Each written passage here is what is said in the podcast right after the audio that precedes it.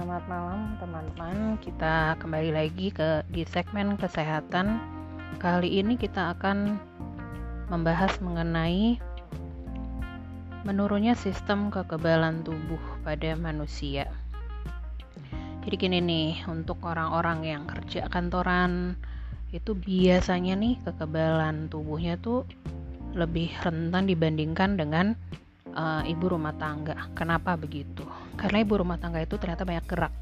Sedangkan orang orang yang bekerja kantoran itu lebih banyak duduk di depan komputer itu kurang lebih 6 sampai 8 jam, belum lagi kalau lembur, meeting. Dan dalam perjalanan pun mereka duduk.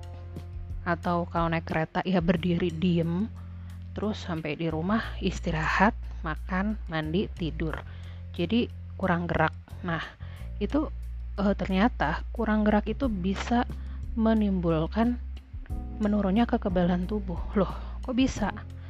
Padahal orang yang memiliki sistem kekebalan tubuh lemah biasanya rentan mengalami gangguan autoimun, peradangan pada organ internal, anemia, dan gangguan pencernaan.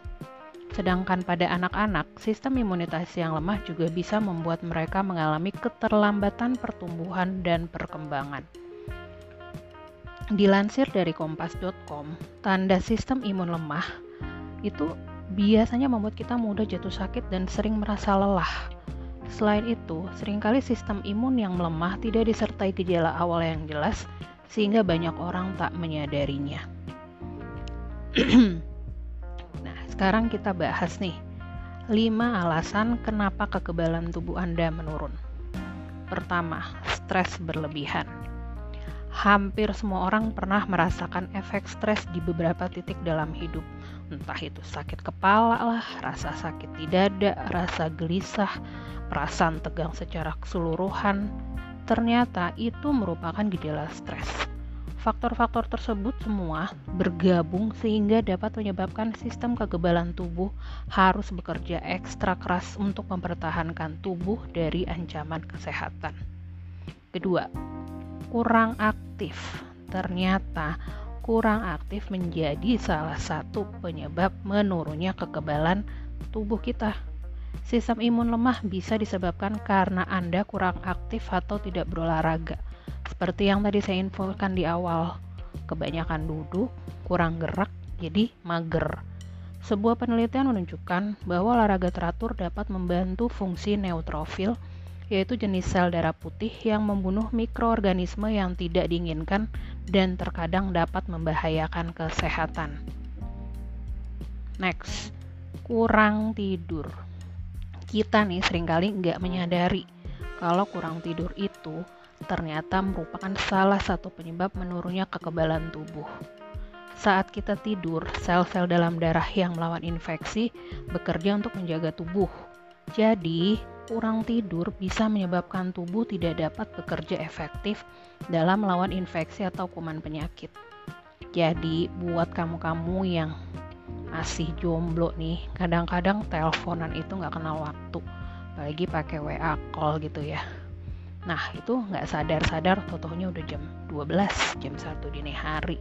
Akhirnya kurang tidur, nah waktu pas pekerja ada pekerjaan deadline tegang, kepala pusing, ternyata itu salah satu loh kurang tidur tuh salah satu yang menyebabkan kekebalan tubuh kita menurun lanjut nih dehidrasi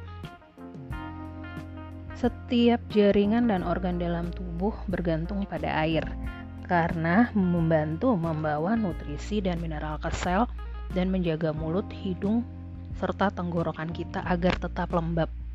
Juga untuk menghindari penyakit.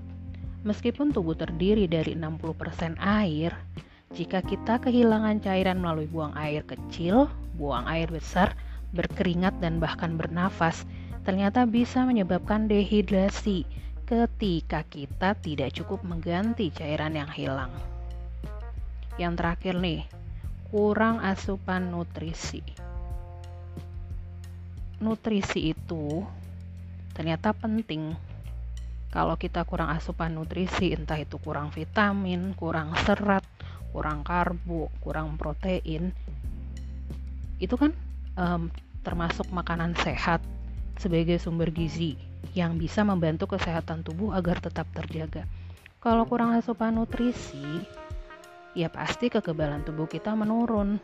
Karena dengan makanan sehat, pasti kesehatan tubuh akan tetap terjaga dan sistem kekebalan tubuh juga akan stabil sehingga virus dan bakteri tidak mudah menjangkiti tubuh kita. Nah, gimana caranya supaya kita itu rajin olahraga atau minimal banyak gerak? Ya, dicoba aja dulu sebagai awal misalkan di Sabtu atau Minggu kita libur. Jangan cuman tidur terus buat kue, coba deh nyikatin kamar mandi, toilet, nyapu, ngepel, kalau perlu tuh ngepel yang jongkok gitu loh. Nah, itu tuh gerakannya tuh lebih seluruh tubuh tuh ikut gerak. Nah, kayaknya sih itu termasuk dalam olahraga. Walaupun bukan olahraga yang olahraga berat ya kayak lari, kardio atau apa. Tapi paling nggak ada pergerakan yang stabil gitu loh, selalu gerak dan tidak hanya diam duduk di suatu tempat atau berdiri dalam jangka waktu lama sehingga menyebabkan kita malas gerak. Dan akhirnya ya udahlah olahraganya besok besok besok besok. Atau uh, yang kita bahas tadi apa? Asupan nutrisi. Ternyata tuh nutrisi itu penting banget buat kekebalan tubuh. Kalau kita kurang serat susah BAB akhirnya apa? Sembelit lah perut jadi nggak enak lah. Itu baru kurang serat belum kurang vitamin. Vitamin tuh paling banyak di mana? Di buah.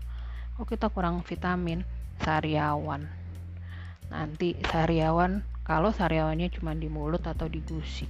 Kalau sariawannya di tenggorokan jatuhnya jadi radang. Makan males karena apa? Susah nelen. Akhirnya daripada gue makan mendingan gue minum. Lapar terus jadinya kekebalan tubuh menurun.